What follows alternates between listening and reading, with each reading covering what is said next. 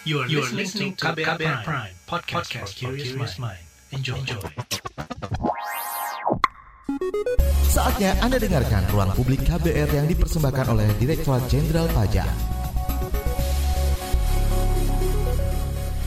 Selamat pagi, siaran Ruang Publik KBR bersama saya Ines Nirmala di edisi Selasa 7 September 2021. Kita membahas insentif PPN rumah tapak dan rumah susun ditanggung pemerintah. Dan siaran pagi hari ini juga dipersembahkan oleh Direktorat Jenderal Pajak. Saudara, pemerintah memutuskan untuk memperpanjang jangka waktu pemberian insentif pajak untuk pembelian rumah tapak dan unit hunian rumah susun. Ketentuan ini tertuang dalam Peraturan Menteri Keuangan PMK 103 yang resmi berlaku sejak tanggal 30 Juli 2021. Insentif pajak pertambahan nilai atau PPN atas penyerahan rumah tapak dan unit hunian rumah susun yang ditanggung pemerintah dapat kita manfaatkan hingga Desember 2021 setelah sebelumnya diberikan dari periode Maret hingga Agustus 2021.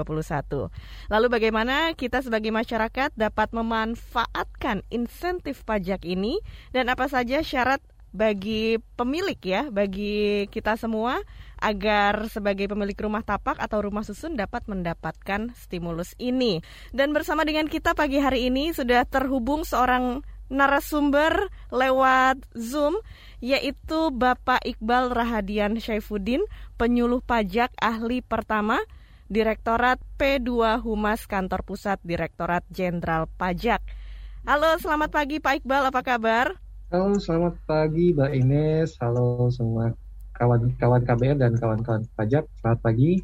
Alhamdulillah dalam kondisi sehat juga Mbak Ines. Sehat selalu ini yang penting untuk masa sekarang ini ya. Dan yang penting juga pagi hari ini kita sebagai masyarakat mengetahui lebih dalam seputar insentif PPN yang ditanggung pemerintah atas rumah tapak dan unit hunian rumah susun. Nah, ini bisa dijelaskan Pak Iqbal apa yang dimaksud dengan insentif PPN ditanggung pemerintah ini?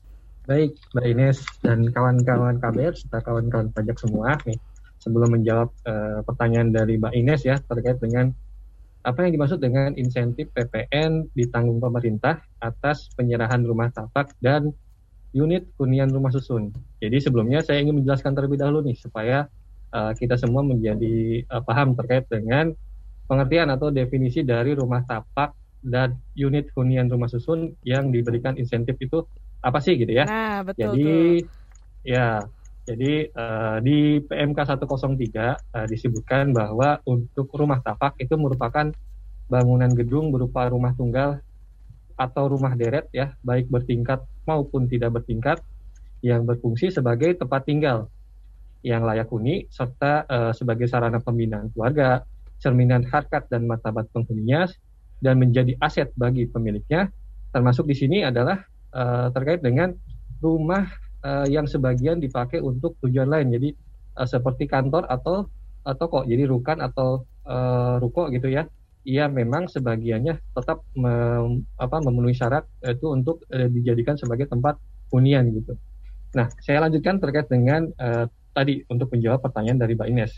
Jadi melalui PMK 103 ini pemerintah memberikan insentif nih. Jadi ada perpanjangan insentif terkait dengan uh, pajak pertambahan nilai yang terutang itu ditanggung pemerintah atas apa? Atas penyerahan uh, rumah tapak dan unit hunian rumah susun. Jadi uh, insentif ini diberikan kepada wajib pajak yang melakukan transaksi terkait dengan jual beli properti hunian berupa rumah tapak dan unit hunian rumah susun yang tentunya ada persyaratan di situ yang harus dipenuhi. Jadi kalau misalkan uh, tidak memenuhi persyaratan ya mohon maaf nanti mungkin tidak bisa mendapatkan insentif tersebut. Gitu Mbak Ines. Iya. Nah, dalam PMK 103 juga disebutkan bahwa PPN ditanggung pemerintah ini diberikan kepada penyerahan yang memenuhi persyaratan. Nah, ini Pak Iqbal, penyerahan yang seperti apa yang dimaksud dalam PMK 103 tersebut? Baik, Mbak Ines. Nah, lanjut kita uh, berikan uh, penjelasan terkait dengan penyerahan sebagaimana dimaksud dalam PMK 103. Jadi yang dimaksud dengan penyerahan yang uh, dijelaskan di PMK 103 itu yaitu merupakan penyerahan yang terjadi pada saat apa? Pada saat ditandatangannya akte jual beli dan atau ditandatangannya perjanjian pengikatan jual beli lunas PPJB lunas gitu ya. Yang tentunya itu dilakukan penyerahan secara uh, nyata. Jadi penyerahan hak secara nyata untuk menggunakan atau menguasai rumah tapak siap huni atau unit hunian rumah susun yang siap huni yang dibuktikan dengan berita acara serah terima yang kesemuanya itu ya diserahkan atau dibuatnya BAST gitu ya berita acara serah terima itu paling lambat tanggal 31 Desember 2021. Oh nah, gitu. Ah, ah, seperti itu Mbak Ines. Jadi memang untuk mau uh, pembelian rumah tapak atau unit rumah susun ini baik uh, secara cash atau KPR bisa mendapatkan insentif PPN ini ya? Ya, begitu Mbak Ines. Kurang lebihnya seperti itu. Jadi nah, mungkin saya mau melanjutkan sedikit Mbak Ines. Jadi Silakan. mungkin ada informasi terkait dengan uh, eh, BAST-nya ya. Uh-huh. Jadi tadi kan dibuktikan dengan adanya penyerahan BAST atau berita acara serah terima. Itu kan merupakan bukti konkret bahwa terjadi penyerahan secara nyata terkait dengan tadi penyerahan untuk rumah tapak dan uh, unit uh, hunian rumah susunnya. Nah, untuk pembuatan BAST-nya sendiri itu ternyata uh, diatur di PMK 103 itu harus memenuhi ketentuan-ketentuan yang uh, paling sedikit memuat satu pertama ada nama dan NPWP PKP penjual. Jadi PKP ini adalah pengusaha kena pajak penjual atau mungkin lebih kita kenal dengan uh, developer atau pengembang gitu ya, Pak Ines. Mm -hmm. Nah, kemudian juga harus memuat identitas terkait dengan nama dan NPP atau NIK pembeli gitu ya. Terus kemudian ada uh, terkait dengan informasi tanggal serah terima gitu dan kemudian ada terkait uh, informasi terkait dengan kode identifikasi rumah yang diserah terimakan. Kemudian ada pernyataan bermateri telah dilakukan serah terima bangunan serta nomor berita acara terkait dengan BAST-nya tersebut, serah terimanya tersebut. Jadi berita acara ini gitu ya, berita berita acara serah terima ini juga nanti harus didaftarkan nih oleh uh, pengembang, jadi oleh PKP penjual di sistem aplikasi yang memang sudah uh, di atau di apa namanya dibangun oleh kementerian yang menyelenggarakan urusan pemerintahan di bidang perumahan dan kawasan permukiman yang eh, kewajiban untuk mendaftarkan atau mengupload BAST-nya tersebut itu paling lambat tanggal 7 bulan berikutnya setelah bulan dilakukannya penyerahan. Dan perlu diingat juga untuk insentif ini berlaku untuk periode atau masa pajak Maret 2021 sampai dengan Desember 2021. Begitu Mbak Ines. Oh, jadi memang ada kewajiban juga ya dari penjual atau developer sebagai pengusaha kena pajak atau PKP untuk mengisi aplikasi ya? Ya, begitu Mbak Ines. Nanti mungkin ada sedikit yang akan disampaikan juga terkait dengan aplikasinya apa sih gitu ya? Iya, Terus boleh, apa? boleh, boleh. Nanti kita bahas aplikasinya apa yang harus dipenuhi diisi oleh penjual. Nah, sekarang ini kita membicarakan kriteria terkait rumah tapak atau unian unit uh, unit hunian rumah susun ya Pak Iqbal yang PPN-nya ditanggung pemerintah ini apakah ada kriteria khusus seperti yang dimaksud dalam PMK 103? Baik, Mbak Ines. Memang di PMK 103 ini diatur terkait dengan kriteria daripada uh, rumah tapak atau unit hunian rumah susun yang PPN-nya uh, diberikan uh, insentif ditanggung pemerintah atau DTP. Jadi persyaratannya antara lain satu, jadi terkait dengan harga jual atau nilai properti yang dijual itu terkait dengan rumah tapak dan atau unit hunian rumah susunnya itu paling tinggi 5 miliar gitu Mbak Ines. Mm -hmm. Kemudian yang kedua terkait dengan properti yang berbentuk uh, rumah tapak uh, dan atau unit hunian rumah susun ini uh, sifatnya itu baru.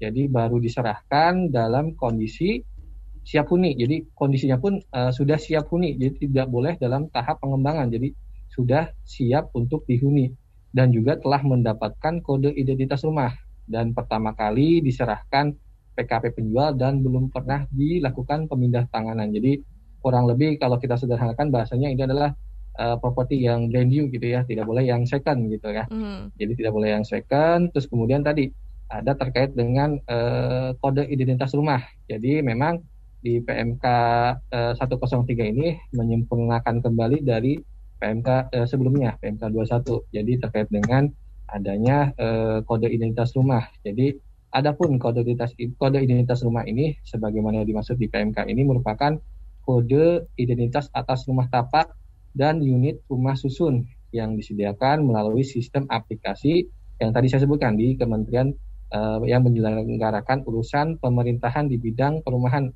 dan kawasan pemukiman atau mungkin kita di sini mungkin Kemen PUPR ya seperti itu.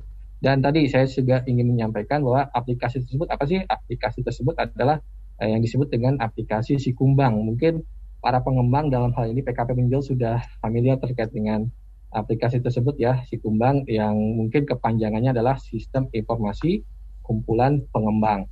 Terus kemudian terkait dengan kriteria berikutnya adalah terkait dengan uh, properti tadi diserahkan secara fisik pada periode pemberian insentif. Tentu saja bahwa uh, penyerahannya itu harus dilakukan uh, pada waktu atau pada periode sebagaimana diatur di PMK 103 ini. Jadi yang saya sebutkan dari Maret 2021 sampai dengan uh, Desember 2021.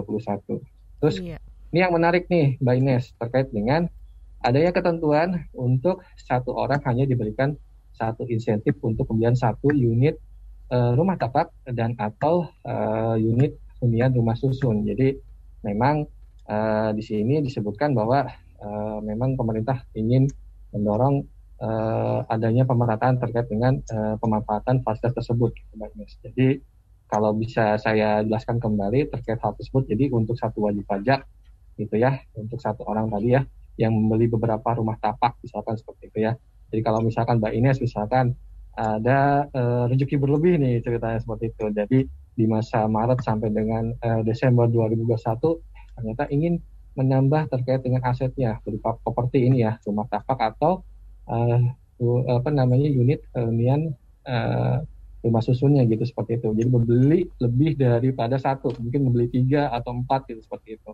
Nah uh, di PMK 103 ini diatur bahwa uh, Mbak Ines ternyata hanya bisa memanfaatkan uh, fasilitas tersebut ya insentif uh, terkait dengan PPN ditanggung pemerintahnya itu hanya untuk satu unit uh, apa namanya properti yang dibeli oleh Mbak Ines. Jadi tidak bisa kesemuanya. Misalkan dari tadi yang saya sebutkan Mbak Ines membeli tiga atau empat. Jadi hanya satu saja dari tiga atau empat unit yang dibeli oleh Mbak Ines tadi.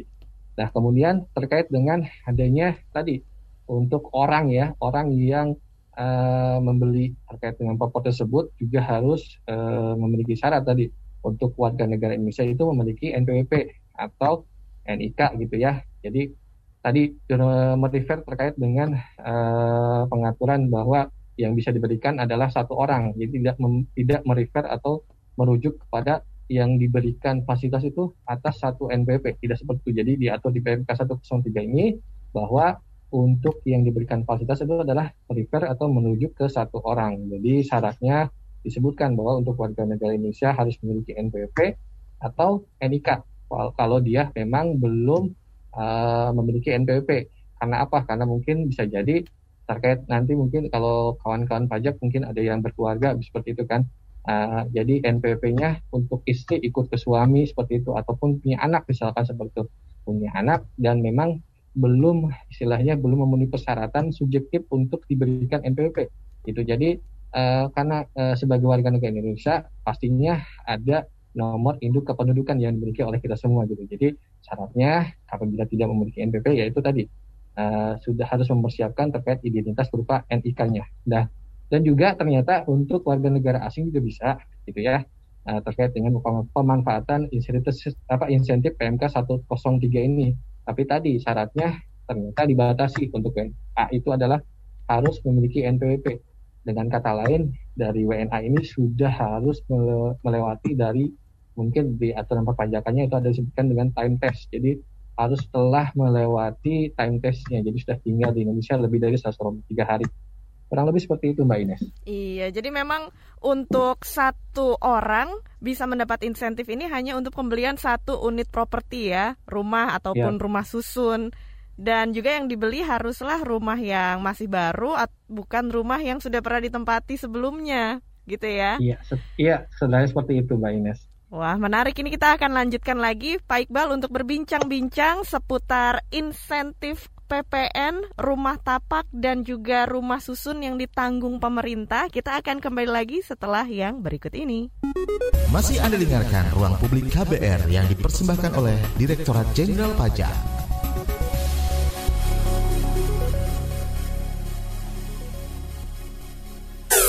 Commercial break.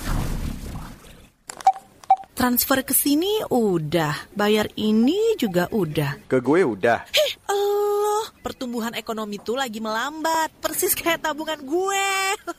Betul banget. Harus matang ngelola keuangan. Pengennya tuh investasi sesuatu gitu ya. Apa gitu yang cocok dan menguntungkan?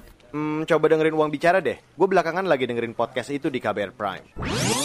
Reksadana yang tadinya 500 juta udah turun dari 250 juta sekarang 10 ribu sama kita ngopi mahalan mana ketika itu ada keputusan yang kayak begitu, investor harus tahu gitu, oh ada keputusan ini berarti implikasinya apa? Orang mungkin Perluas literasi kamu lewat podcast Uang Bicara. Uang Bicara menavigasi kamu dengan menghadirkan bahasan-bahasan seru dan populer mulai dari investasi sampai kebijakan. Dipersembahkan oleh KBR Prime dan bisa didengarkan di KBR Prime, Spotify, dan platform mendengarkan podcast lainnya. KBR Prime, podcast for curious mind. Masih Anda dengarkan Ruang Publik KBR yang dipersembahkan oleh Direktorat Jenderal Pajak. Kita masih di siaran Ruang Publik KBR. Masih membahas seputar insentif PPN, rumah tapak, dan rumah susun ditanggung pemerintah. Dan narasumber kita pada pagi hari ini adalah Bapak Iqbal Rahardian Syaifuddin, penyuluh pajak ahli pertama Direkturat P2 Humas Kantor Pusat Direktorat Jenderal Pajak. Baik, ini menarik sekali yang kita bahas pagi hari ini karena pemerintah memberikan insentif, bisa kita bilang diskon juga ya untuk PPN rumah tapak ataupun rumah susun yang kita beli. Nah, Pak Iqbal, sekarang sudah bergabung bersama dengan kita ada seorang penelpon dari Bogor yaitu Ariel. Kita angkat ya teleponnya. Halo, selamat pagi Ariel. Halo, selamat pagi Mbak. Iya, Ariel punya pertanyaan atau komentar apa? Iya, ada pertanyaan dikit aja. Mau nanya kalau apartemen ini apakah termasuk dalam insentif ini? Apakah mendapatkan insentif nggak ya? Ya. Itu saja sih. Ya. Itu aja, Ariel? Ya. Oke, baik. Terima kasih. Pak Iqbal, bagaimana dengan apartemen? Apakah termasuk mendapatkan insentif PPN ini? Baik, uh, untuk Mas Ariel ya, yang dari Bogor. Kebetulan saya juga dari Bogor nih, Mas Ariel. Jadi kita sama-sama orang Bogor ya. Kota Baik, hujan. untuk menjawab uh, hujan ya. Jadi untuk menjawab pertanyaan dari Mas Ariel, ya saya tadi lupa untuk menyederhanakan terkait dengan uh, pengertian daripada unit uh, hunian rumah susun yang memang kalau secara uh, apa ya secara generalnya atau secara umumnya gitu ya yang kita kenal itu adalah mungkin salah satunya adalah apartemen gitu Mas Ariel. Jadi uh, untuk apartemen uh, betul mendapatkan atau termasuk yang mendapatkan insentif PPN ditanggung pemerintah untuk uh, penyerahannya gitu Mas Ariel. Seperti itu Mbak Ines. Iya. Jadi yang dimaksud dengan unit hunian rumah susun ini juga termasuk apartemen. Nah, kalau seputar harga propertinya, apakah ini ada uh, pengaturannya dalam PMK 103? Seperti apa, Pak Iqbal? Baik, uh, kita lanjutkan uh, terkait dengan uh, uh, apa namanya pengaturan untuk besaran ya terkait dengan PPN ditanggung pemerintahnya itu besarannya seperti apa ternyata di PMK 103 ini diatur terkait dengan uh, besaran atau menghitung terkait PPN yang ditanggung pemerintah seperti apa. Tadi kan sudah disebutkan bahwa untuk nilai propertinya itu maksimal atau paling besar adalah sebesar 5 miliar. Ternyata untuk pemberian insentifnya itu dibagi dua besarannya. Ada yang diberikan secara full 100%, ada yang diberikan hanya 50 persennya saja. Jadi uh, di sini saya sampaikan kepada kawan-kawan uh, KBR dan kawan-kawan pajak semua bahwa untuk yang diberikan 100% ya terkait dengan PPN terutangnya tersebut atas penyerahan di uh, rumah tapak dan atau unit hunian rumah susunnya itu untuk harga uh, dari range 0 sampai dengan 2 miliar. Jadi untuk harga 0 sampai dengan 2 miliar itu diberikan insentif sebesar 100% dari PPN yang terutangnya. Kemudian untuk eh, yang nilainya atau harga jualnya itu di atas 2 miliar sampai dengan harga 5 miliar gitu ya terkait nilai propertinya tersebut itu diberikan insentif besarannya sebesar 50% dari PPN yang terutang gitu. Jadi uh, disampaikan kembali bahwa PPN ditanggung pemerintah diberikan atas penyerahan yang dilakukan tadi pada masa pajak Maret 2021 sampai dengan Desember 2021. Nanti mungkin terkait dengan ilustrasinya akan saya sampaikan di belakang gitu Mas Mbak Ines. Seperti itu Mbak Ines. Iya, jadi untuk properti dengan harga paling tinggi 5 miliar ya Pak bisa mendapatkan insentif PPN properti ini. Jadi kalau ya, seperti itu. Kalau di uh, insentif sendiri diberikan full 100% Pak untuk rumah yang dibeli? Jadi tadi saya sampaikan bahwa untuk yang uh, dibeli hmm. itu PPN-nya akan diberikan uh, insentif sebesar 100% untuk yang harga jualnya 0 sampai dengan 2 miliar. Okay. Gitu Mbak Ines. Nanti Baik. kalau misalkan di atas 2 miliar gitu kan. Jadi mungkin kalau kita kenal dari kalau uh, uh, kawan pajak dan kawan KBR Mbak Ines tahu terkait dengan lapisan tarif untuk pajak penghasilan mm-hmm. itu kan sifatnya progresif gitu ya. Jadi mm-hmm. ketika sudah memenuhi misalkan kalau di sini 2 miliar mungkin anggapan kawan-kawan ketika 2,1 miliar misalkan seperti itu harganya, mm-hmm. apakah 2 miliarnya itu kena 100% dan sisanya 1 miliar kena 50%? Ternyata tidak seperti itu. Jadi ketika harganya 2 miliar, dia kena 100%. Contohnya ya ilustrasinya. Dan ketika misalkan harganya di atas 2 miliar, walaupun lebihnya hanya 1 juta, gitu kan, hanya 2 juta, maka insentif yang diberikan adalah sebesar 50% dari keseluruhan nilai properti tersebut, Pak Ines. Jadi hmm. 2,1 dikalikan 50%. Langsung itulah insentifnya. Jadi memang di situ uh, ada pembatasan terkait dengan uh, apa namanya uh, besaran insentif yang diberikan bahwa ada bagian memang untuk yang uh, menengah ke bawah dan menengah ke atas seperti itu Mbak Ines. Jadi diberikan uh, besaran yang berbeda seperti itu. Iya, baik Pak Iqbal. Sekarang juga sudah ada pendengar kita yang bergabung lewat WhatsApp. Saya bacakan dari Jimmy di Tebet. Pagi Pak, saya mau bertanya apakah program insentif ini bisa dirasakan oleh para pengembang perumahan kecil? Pengembang eh, apa perumahan kecil gitu ya? Iya. Untuk insentif ini. Jadi uh, mungkin uh, refer ke yang saya sampaikan sebelumnya terkait dengan apa namanya uh, range daripada harga atau nilai properti yang diberikan insentif ini, Mbak Ines. Mungkin tadi disebutkan bahwa untuk range 0 sampai dengan eh, 2 miliar itu kena 100% gitu ya. Maksudnya diberikan insentif sebesar 100%.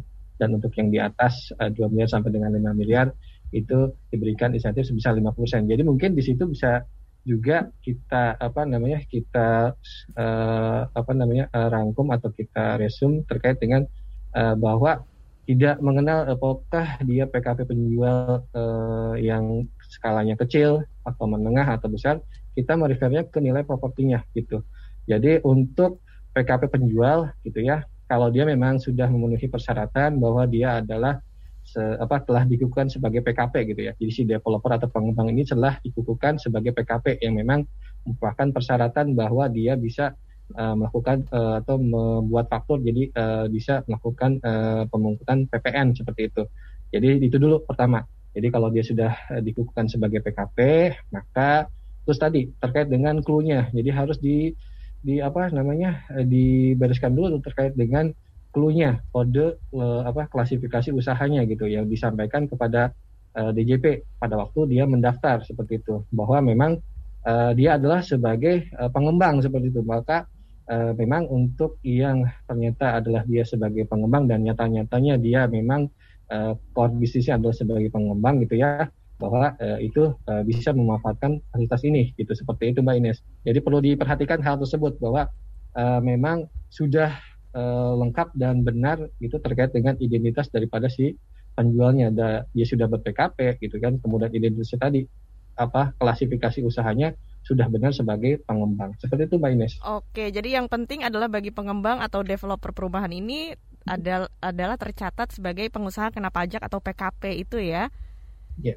Nah, Pak Iqbal ini uh, mungkin juga pertanyaan dari uh, masyarakat ketika mereka sudah melakukan pembayaran uang muka atau bahkan sedang dalam proses mencicil rumah sebelum berlakunya PMK 103 ini, apakah bisa masih mendapatkan insentif PPN?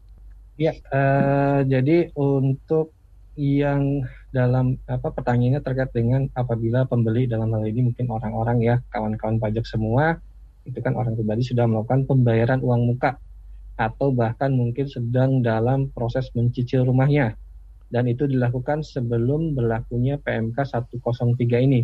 Apakah masih bisa memperoleh insentif? E, jawabannya dalam hal pembeli telah melakukan pembayaran uang muka atau cicilan sebelum berlakunya PMK ini gitu ya, tanggal 30 Juli 2021, maka pembeli tersebut masih dapat e, diberikan insentif PPN ditanggung pemerintah.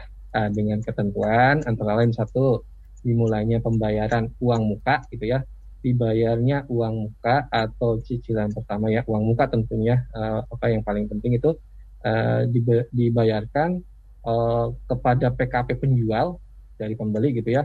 Paling lambat itu 1 Januari 2021 jadi paling lambat 1 Januari 2021 gitu ya. Tidak boleh tuh sebelum 1 Januari 2021 misalkan Desember 2021 eh, 2020 itu tidak bisa seperti itu. Terus kemudian eh, ketentuan berikutnya adalah pemenuhan ketentuan terkait saat penyerahan dilakukan itu dilakukan pada periode pemberian insentif. Lagi-lagi harus diingat terkait dengan periodenya. Periodenya itu kapan? Periodenya dari masa Maret 2021 eh, sampai dengan Desember 2021. Jadi pembayaran yang akan mendapatkan insentif itu adalah pembayaran yang dilakukan pada masa Maret 2021 sampai dengan Desember 2021. Jadi mungkin uang muka misalkan contohnya ya dibayarkan di bulan Januari gitu ya. Nah, kemudian cicilan pertama dibayarkan bulan uh, Februari gitu ya. Cicilan ketiga dan seterusnya dibayarkan dari bulan Maret dan diselesaikan atau lunasnya itu di bulan Desember 2021. Maka yang diberikan atau uh, yang diberikan insentif gitu ya terkait dengan sebagaimana diatur di PMK 103 ini adalah uh, untuk masa Maretnya. Jadi untuk pembayaran uh, mulai dari masa Maretnya. Jadi untuk yang Januari sampai dengan Februarinya terkait dengan uang muka dan cicilan pertamanya gitu ya, yang tadi saya sebutkan contohnya itu uh, tetap harus dibayarkan, jadi tidak ditanggung pemerintah. Jadi yang ditanggung pemerintah itu terkait dengan tadi cicilan yang dimulai dari bulan Maret 2021 sampai dengan tadi lunasnya di Desember 2021 gitu ya. Diserahkan di Desember 2021. Nah, tadi saya sebutkan juga kalau misalkan ternyata uang mukanya dilakukan di Desember gitu ya. Walaupun ternyata dicicil sama, dicicil selesainya di bulan Desember 2021 tapi sesuai dengan yang diatur di PMK 103 ini ternyata untuk uh, kondisi tersebut ternyata tidak akan mendapatkan insentif. Jadi kesemuanya mulai dari uang muka di Desember, Januari, Februari, walaupun dia tetap ada cicilan di bulan Maret sampai dengan Desember, cicilan bulan Maret sampai Desember 2021 itu ternyata tidak mendapatkan insentif ini. Seperti itu Mbak Ines. Baik, Baik Bal, sekarang saatnya kita jeda dulu sejenak dan jangan ke mana-mana, tetap di Ruang Publik. Masih Anda dengarkan Ruang Publik KBR yang dipersembahkan oleh Direktorat Jenderal Pajak. Kita masih di siaran Ruang Publik KBR dan yang kita bahas pagi hari ini adalah insentif PPN rumah tapak dan rumah susun ditanggung pemerintah. Bersama saya Ines Nirmala dan juga narasumber kita Bapak Iqbal Rahadian Syaifuddin, penyuluh pajak ahli pertama, Direktorat P2 Humas Kantor Pusat Direktorat Jenderal Pajak. Ini menarik sekali yang kita bahas seputar insentif PPN bagi properti yang kita beli. Mungkin Anda juga sudah berhitung-hitung ya kalau misalnya ingin beli rumah yang harganya 700 juta gitu. Ini lumayan PPN-nya 10%, 70 jutanya ini ditanggung oleh pemerintah. Betul gitu ya? Pak Iqbal? Iya, seperti itu, Pak Ines. Sangat-sangat ya Pak, sangat-sangat menarik gitu ya bagi kawan-kawan banyak yang betul lagi mau beli rumah atau mau beli rumah apa beli apartemen gitu. Jadi ini sangat harus dimanfaatkan seperti itu. Nah, ini mumpung ada PMK 103 yang berlaku sampai Desember 2021. Jadi ketika Anda mengincar properti, sekarang lagi mau beli rumah atau apartemen, ini bisa Anda pilih ya dan mendapatkan juga insentif dari pemerintah. Baik, Pak Iqbal, ini kita membicarakan juga uh, sekarang ya, kita lanjutkan dari sisi developer penjual. Tadi uh, Pak Iqbal juga mau menyampaikan bahwa ada kewajiban yang harus dilakukan oleh penjual atau developer sebagai pengusaha kena pajak PKP. Ini seperti apa supaya mereka juga bisa memperoleh insentif PMK 103? Baik, uh, terima kasih Mbak Ines. Pertanyaannya ini mungkin yang harus juga digarisbawahi dan diperhatikan nih oleh para uh, pengembang dalam hal ini PKP penjual ya sebagai PKP penjual. Jadi mungkin juga menyempurnakan jawaban dari pertanyaan yang uh, dari apa kawan KBR atau kawan pajak yang tadi gitu ya terkait dengan pengembang bahwa memang ada kewajiban pengembang gitu selain memang tadi saya sebutkan selain dia harus sebagai, sebagai PKP terus kemudian selain dia harus identitasnya jelas adalah uh, klasifikasi usaha yang didaftarkan di DJP-nya itu adalah sebagai pengembang. Jadi di PMK 103 ini diatur nih terkait dengan kewajiban PKP yaitu antara lain satu pertama itu pertama harus mendapatkan akun aplikasi Sireng. Jadi Sireng itu sistem registrasi pengembang yang memang dibangun atau di-create di Kemen PUPR. Jadi para pengembang harus meregistrasikan dirinya gitu ya dengan menggunakan aplikasi Sirang ini. Kenapa? Karena ak, apa akun daripada Sirang ini yang akan dipakai untuk eh, apa namanya login atau untuk bisa mengakses daripada aplikasi Sikumbang yang tentunya tadi saya sebutkan eh, eh, apa eh, dibuat atau dikreat oleh eh, Kementerian PUPR juga seperti itu. Jadi itu nanti di aplikasi uh, Sikumbangnya tadi saya sebutkan juga. Jadi di situ untuk mengupload terkait dengan uh, BAST-nya ya. BAST atau berita acara serah terima terkait dengan penyerahan uh, fisik secara nyata atas tadi rumah tapak dan uh, unit hunian rumah susunya. Kemudian uh, dari aplikasi Sikumbang juga disebutkan tadi oleh saya ada namanya kode identitas rumah. Jadi uh, mungkin uh, banyak juga nih uh, mungkin tetangga saya nih ya agak sedikit uh, bicara dengan uh, realnya seperti apa. Jadi ada juga yang bertanya, Pak kode identitas rumah apakah sama dengan nomor nomor rumah gitu ya beda tadi saya sudah sebutkan bahwa kode identitas rumah itu adalah mungkin kalau di aplikasi Sikumbang itu adalah ID daripada rumahnya. ID daripada rumahnya dan penomorannya juga ada ketentuan khusus gitu ya yang sudah memenuhi eh, apa namanya SNI gitu ya. Jadi ada tersertifikasi seperti itu dan eh, digenerate oleh aplikasi Sikumbangnya terus kemudian kewajiban eh, daripada PKP penjual dalam hal ini developer itu harus membuat eh, faktur pajak. Nah faktur pajak. Karena kita berbicara terkait dengan PPN, pasti kita harus uh, berbicara terkait dengan pembuatan faktur pajak. Jadi ada ketentuan terkait dengan pembuatan faktur pajaknya. Yang pertama terkait dengan harus uh, membuat atau menginput uh, terkait dengan identitas pembeli berupa nama dan NPWP atau NIK sebagaimana yang saya tadi jelaskan di awal gitu ya. Dan juga jangan lupa nih terkait dengan uh, mengisi keterangan berupa kode identitas rumah tadi di kolom nama barang bagian keterangan. Terus kemudian terkait dengan pembuatan faktur pajak ini juga harus dilengkapi terkait dengan adanya keterangan PPN ditanggung pemerintah eksekusi PMK nomor 103 garis miring PMK titik 010 garis miring 2021 yang uh, kalau dari apa yang saya dapatkan informasinya itu sudah tergenerate di aplikasi e-faktur gitu. Jadi terkait dengan keterangan ini sudah tergenerate di aplikasi e-fakturnya. Jadi jangan sampai salah untuk terkait dengan penginputannya. Seperti itu. Terus kemudian atas penyerahan dengan harga 0 sampai dengan 2 miliar. Nah, ini ada pembagian terkait dengan tadi.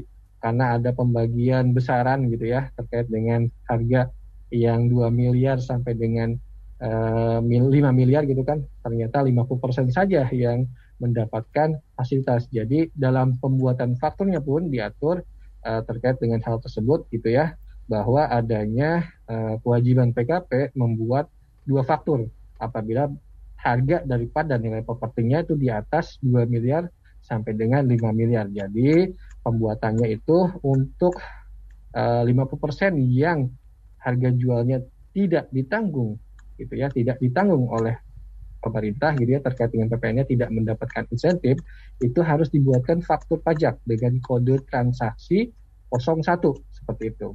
Nah, untuk kemudian yang 50%-nya sisanya yang ditanggung pemerintah atau mendapatkan insentif PPN ditanggung pemerintah gitu ya, itu dibuatkan faktur pajak dengan kode transaksi 07 gitu ya.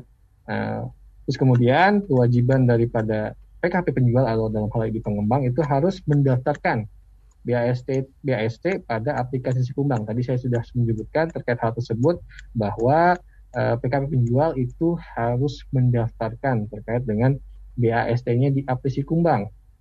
Paling lambat kapan gitu kan? Paling lambat tadi paling lambat 31 Desember 2021. Dan yang terakhir terkait dengan kewajiban PKP penjual itu harus membuat laporan realisasi PPN ditanggung pemerintah. Itu seperti apa gitu kan? Ada kebingungan nih, banyak pertanyaan juga. Laporan realisasinya seperti apa?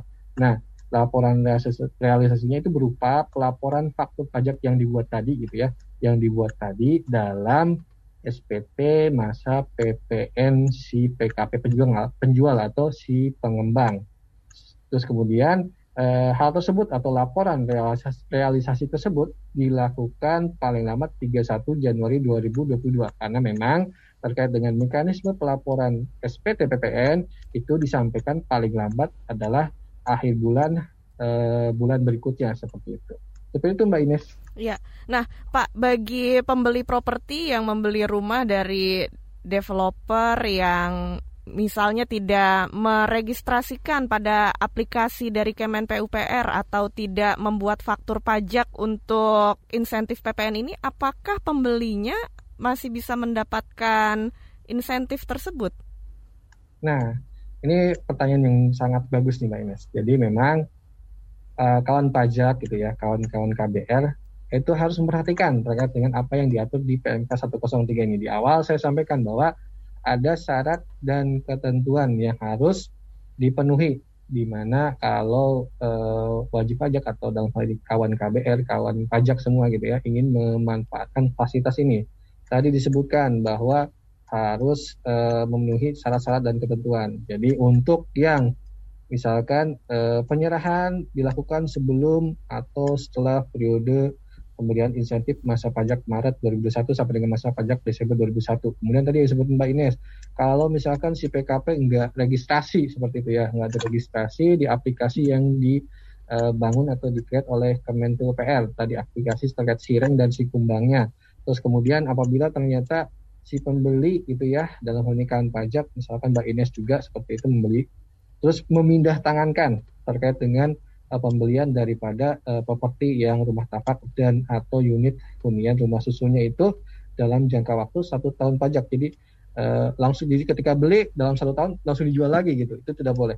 Terus kemudian terkait dengan tidak menggunakan faktur pajak sesuai ketentuan. Jadi kalau tadi disebutkan bahwa ada ketentuan-ketentuan terkait pembuatan faktur pajaknya.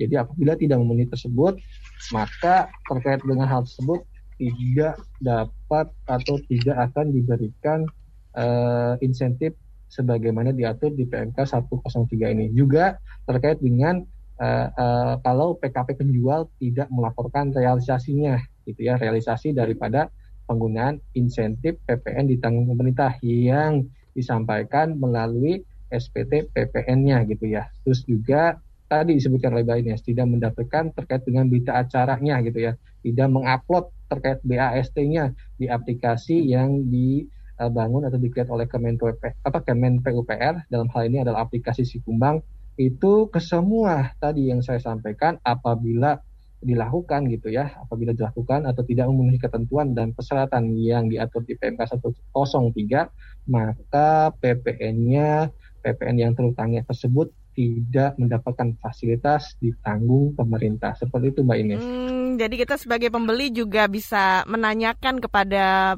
developer, pengembang rumahnya. Ini apakah saya bisa dapat insentif PPN ditanggung pemerintah gitu ya ketika kita mau membeli nih ya. Dan kita juga ya. mengajak dari pihak pengembang perumahan ini untuk meregistrasi ataupun juga melaporkan faktur pajak sesuai ketentuan supaya bagi pembeli uh, rumah ataupun unit hunian rumah susun itu bisa mendapatkan insentif pajak ditanggung pemerintah. Baik. Iya, seperti itu. Baik, Bal, sekarang kita jeda dulu sejenak dan kita juga akan lanjutkan siaran Ruang Publik KBR setelah jeda. Kita akan kembali lagi tetap di Ruang Publik KBR. Masih Anda dengarkan Ruang Publik KBR yang dipersembahkan oleh Direktorat Jenderal Pajak.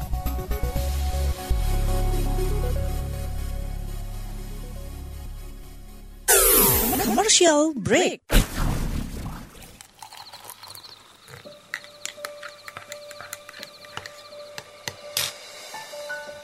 Hai, kamu apa kabar? Masih suka menikmati senja dan kopi? Aku masih ingat kebiasaan kita. Sehabis pulang kerja, selalu mencari tempat untuk sekedar ngobrol dan ngopi. Tapi kadang kita kehabisan bahan obrolan. Aku masih melakukan hal yang sama sampai sekarang tanpa harus takut habis bahan buat ngobrol. Karena aku selalu mendengarkan KBR sore dari Senin sampai Jumat jam 4 sore. Ah, aku rindu. KBR Inspiratif Terpercaya. Masih Anda dengarkan Ruang Publik KBR yang dipersembahkan oleh Direktorat Jenderal Pajak. Sekarang kita sudah masuk ke bagian terakhir Ruang Publik KBR dan juga masih membahas insentif PPN rumah tapak dan rumah susun ditanggung pemerintah bersama narasumber kita Bapak Iqbal Rahadian Syaifuddin, penyuluh pajak ahli pertama, Direktorat P2 Humas Kantor Pusat, Direktorat Jenderal Pajak.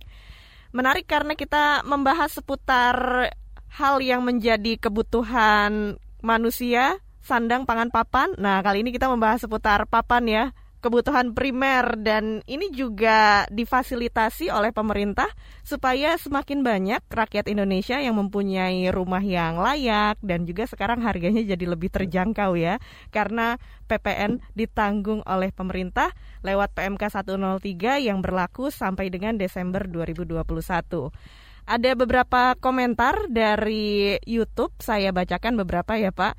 Ini ada Eko Arianto, sangat membantu di kala pandemi katanya. Nah, seputar pemanfaatan insentif PPN ini uh, seperti apa? Uh, berapa banyak animo masyarakat yang sudah mendapatkan insentif ini? Baik, Bal. Baik, kalau berbicara terkait dengan apa namanya animo masyarakat ya itu memang uh, kalau kita berbicara hal tersebut kita harus berbicara terkait dengan data. Jadi kalau berbicara terkait dengan data sebenarnya dalam hal ini mm, pemerintah dengan adanya perpanjangan daripada insentif PPN ditanggung pemerintah ini ya terkait dengan dulunya adalah PMK 21 terus kemudian diganti dengan PMK 103 ini terkait dengan adanya relaksasi atau perpanjangan daripada pemanfaatan insentif ini yang tadinya bulan Maret sampai dengan Agustus saja, sekarang diperpanjang sampai dengan bulan Desember. Jadi memang terkait hal tersebut pemerintah sebenarnya terus mendorong nih, terus mendorong kepada masyarakat Indonesia gitu ya, tentu saja untuk meningkatkan atau e, meningkatkan daya beli atau konsumsi masyarakat yang memang dikhususkan di sektor properti. Kenapa? Karena memang di sektor properti inilah yang uh, ternyata kalau dari uh, apa namanya data yang kami terima itu baik dia di tahun 2020 ataupun di trimester apa trimester pertama itu ya triwulan pertama itu ya dia adalah sektor yang uh, pertumbuhannya uh, positif gitu. Dan juga memang kalau merujuk ke apa namanya disampaikan dari Badan Pusat Statistik ya data yang mungkin telah diolah gitu ya bahwa memang kalau dari uh, sektor properti ini ternyata itu memberikan uh, multiply effect gitu ya. Jadi ada uh, efek yang berganda. Jadi apabila sektor properti ini naik, kemungkinan uh, bahwa akan juga meningkatkan uh, mungkin uh, kalau dari data statistiknya adalah sebesar 174 sektor lain gitu ikut naik ketika sektor properti ini uh, juga pertumbuhannya positif gitu seperti itu Mbak Ines. Baik, baik Bal. Nah, sekarang kita lanjutkan untuk berbincang dengan pendengar kita dari Bekasi, yaitu Pak Ali, lewat telepon. Langsung saja kita angkat. Selamat pagi, Pak Ali. Selamat pagi, Mbak Ines. Iya, Pak Ali, apa yang mau disampaikan atau ditanyakan? Ya, jujur saya sebagai masyarakat ini baru tahu, baru dengar ada informasi ini. Berarti sosialisasinya dari pajak ini mungkin harus ditingkatkan tapi saya mau tanya ini untuk rumah yang bersubsidi atau rumah masih dalam angsuran itu mendapatkan bantuan potongan PPN ini tidak ya? Oke. Okay. Rumah rumah tapak itu maksudnya rumah tapak yang seperti atau ada ketentuannya mungkin bisa tolong dijelaskan begitu biar Baik. kita paham. Ya. Terima, Terima kasih. kasih Pak Ali di Bekasi. Ya, boleh dijelaskan lagi Pak Iqbal ditanggapi pertanyaan dari pendengar kita? Ya, baik. Terima kasih Mbak Ines. Terima kasih Pak Ali atas pertanyaannya. Memang mungkin apa mewakili pertanyaan teman-teman atau kawan-kawan pajak semua ya di luar terkait dengan sosialisasinya kurang nih ya mungkin dari sini juga kita menyampaikan nih Bapak Ibu sekalian kawan-kawan eh, pajak bahwa memang di sini kami selalu berusaha untuk bisa memberikan edukasi perpajakan gitu ya kepada kawan-kawan pajak semua. Jadi memang uh, juga sekalian ber apa namanya uh, beriklan nih Bapak Ibu sekalian bahwa di Direktorat Jenderal Pajak gitu ya mulai tanggal 6 April 2021 itu ada fungsi baru di kami yang namanya fungsional penyuluh pajak gitu. Jadi kami baru mulai istilahnya berkegiatan atau bekerja mulai tanggal 6 April 2021 untuk apa? Jadi fungsi tugas utama kami adalah untuk mengedukasi eh, kawan-kawan pajak semua terkait dengan perpajakannya. Kemudian kita menjawab terkait dengan pertanyaan berikutnya yaitu uh, apa terkait dengan uh, tadi disampaikan bahwa uh, apa namanya uh, si rumah tapak ini gitu ya. Tadi di awal saya uh, sampaikan juga dan sudah dijelaskan juga terkait dengan rumah tapak ini bahwa pengertiannya adalah kalau kita sederhanakan itu adalah rumah yang biasa kita huni gitu Bapak Ibu sekalian.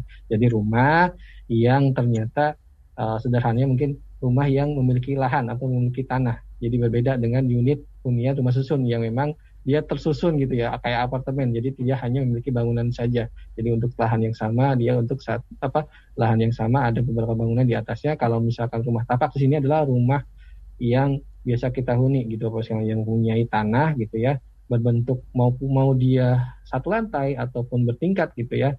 Terus dia juga tadi disebutkan bahwa uh, apa merupakan aset daripada si pemiliknya. Yang tadi juga disampaikan bahwa terkait dengan syarat-syarat atau kriteria khusus terkait dengan rumah tapak tadi. Bahwa tadi uh, uh, ini adalah terkait dengan yang uh, belum pernah dipindah tangankan. Jadi masih baru selesai dibangun oleh pengembang dan siap dijual kepada pembeli dalam hal ini adalah uh, kawan-kawan pajak semua seperti itu. Terus kemudian tadi banyak juga terkait dengan kriteria khususnya antara lain yang harganya paling tinggi 5 miliar seperti itu dan uh, tadi mungkin bisa uh, Bapak Ibu atau kawan pajak uh, dengarkan kembali ya di di rewind kembali di uh, apa uh, tayangan ulang video YouTube-nya nanti seperti itu.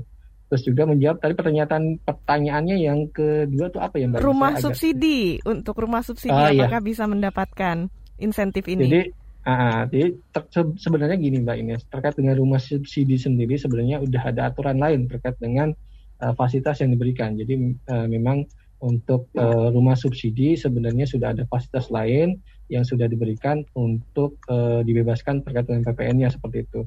Jadi memang untuk pemanfaatan fasilitas itu di istilahnya kita harus memilih apakah menggunakan fasilitas yang sudah ada sebelumnya terkait dengan kalau yang subsidi adalah pembebasan PPN gitu ya ataukah misalkan untuk sekarang ini di PMK 103 ini terkait dengan uh, insentif eh, PPN ditanggung pemerintah terkait dengan properti gitu ya. Jadi bisa kita uh, cek juga sih terkait hal tersebut bahwa memang untuk subsidi sebenarnya sudah memiliki fasilitas sendiri seperti itu. Nah kalau yang sekarang ini kaitannya yang non subsidi sebenarnya uh, apa uh, Mbak Ines. Jadi lebih tepatnya ke yang non subsidi. Jadi kalau subsidi udah dua awal nih, udah di awal sudah memang ada fasilitas terkait dengan PPN-nya. Jadi mungkin uh, fasilitas terkait dengan pembebasan PPN-nya seperti itu. Nah kalau sekarang kita berbicara terkait dengan pengembangan daripada uh, insentif yang diberikan untuk sektor properti. Jadi yang non subsidi juga seperti apa? Nah ini keluar nih PMK 103 terkait hal tersebut. Jadi untuk non subsidi juga ternyata ada terkait dengan fasilitas bahwa PPN-nya uh, ditanggung oleh pemerintah, jadi tidak dipungut lagi seperti itu. Itu Baik, baik Bel. Ini sekali lagi uh, bisa diingatkan kepada pendengar kita apa saja hal-hal penting yang perlu dipenuhi terkait insentif PPN ditanggung pemerintah bagi rumah tapak ataupun rumah susun. Jadi mungkin uh, merangkum ya, istilahnya ini merangkum daripada apa yang saya sampaikan bahwa kawan-kawan pajak apabila ingin menggunakan fasilitas ini tolong untuk diperhatikan terkait dengan ketentuan atau syarat-syarat yang harus dipenuhi sehingga fasilitas ini bisa dimanfaatkan oleh kawan-kawan pajak semua. Jadi yang pertama, insentif PPN ditanggung pemerintah ini diberikan atas penyerahan rumah tapak dan atau unit rumah e, susun ya yang memenuhi persyaratan sebagaimana diatur di PMK 103. Terus kemudian e, untuk mendapatkan fasilitas atau insentif ini maka harus juga memenuhi syarat secara akumulatif. Jadi harus memenuhi syarat secara akumulatif terkait tadi terkait penyerahannya seperti apa yang tadi saya sampaikan di awal terkait dengan kriteria rumah tapak dan unit hunian rumah susunnya seperti apa yang bisa mendapatkan uh, uh, insentif ini. Kemudian uh, saat terutangnya gitu. Jadi uh, saat terutangnya untuk PPN ini kapan yang bisa diberikan insentif? Tadi sebutkan juga bahwa masanya adalah dari Maret 2021 sampai dengan Desember 2021 gitu ya. Terus kemudian yang perlu diperhatikan terkait dengan perhitungan PPN-nya tadi ada besaran terkait dengan uh, yang diberikan untuk uh, eh, 0 sampai dengan 2 miliar itu diberikan insentif 100% dan untuk yang di atas 2 miliar sampai dengan 5 miliar itu diberikan uh, insentif sebesar 50%. Terus kemudian terkait dengan ketentuan pembuatan faktur pajaknya. Jadi mohon kepada PKP penjual itu diperhatikan terkait dengan hal uh, di mana adanya ketentuan terkait yang mengatur untuk melakukan atau membuat uh, faktur pajak. Karena kalau ada kesalahan atau tidak sesuai dengan ketentuan tersebut ya mungkin saya tadi uh, coba untuk ulang ya terkait dengan uh, adanya uh, pemberian uh, kode identitas rumah di situ kan. Terus kemudian ada uh, pemberian nomor kode apa jenis pajaknya atau kode fakturnya 01 atau 07 seperti itu. Kalau itu tidak dipenuhi dengan baik atau tidak dipenuhi dengan benar gitu ya maka insentifnya mungkin bisa jadi ke depan akan di uh, akan kita tagih nih terkait dengan PPN terutangnya tersebut Terus yeah. kemudian terkait dengan laporan realisasinya juga harus juga dilakukan atau diselesaikan gitu ya kewajiban untuk melakukan realisasinya dengan pelaporan SPT nah Baik. kemudian terkait dengan uh, ketentuan peralihan tadi sampaikan apabila ternyata sudah melakukan penyerahan sebelum PMK ini Baik, uh, Pak Iqbal. Berlaku seperti itu. Ya, ya karena waktu yang terbatas, kita akhiri ah. perbincangannya nah. sampai di sini ya Pak. Terima kasih banyak siap, siap, sudah hadir di siaran Ruang Publik KBR. Saya Ines Nirmala juga pamit undur diri. Sampai jumpa lagi. Saya pamit. Salam. Baru saja Anda dengarkan Ruang Publik KBR yang dipersembahkan oleh Direktorat Jenderal Pajak. KBR Prime, cara asik mendengar berita. KBR Prime podcast for curious mind.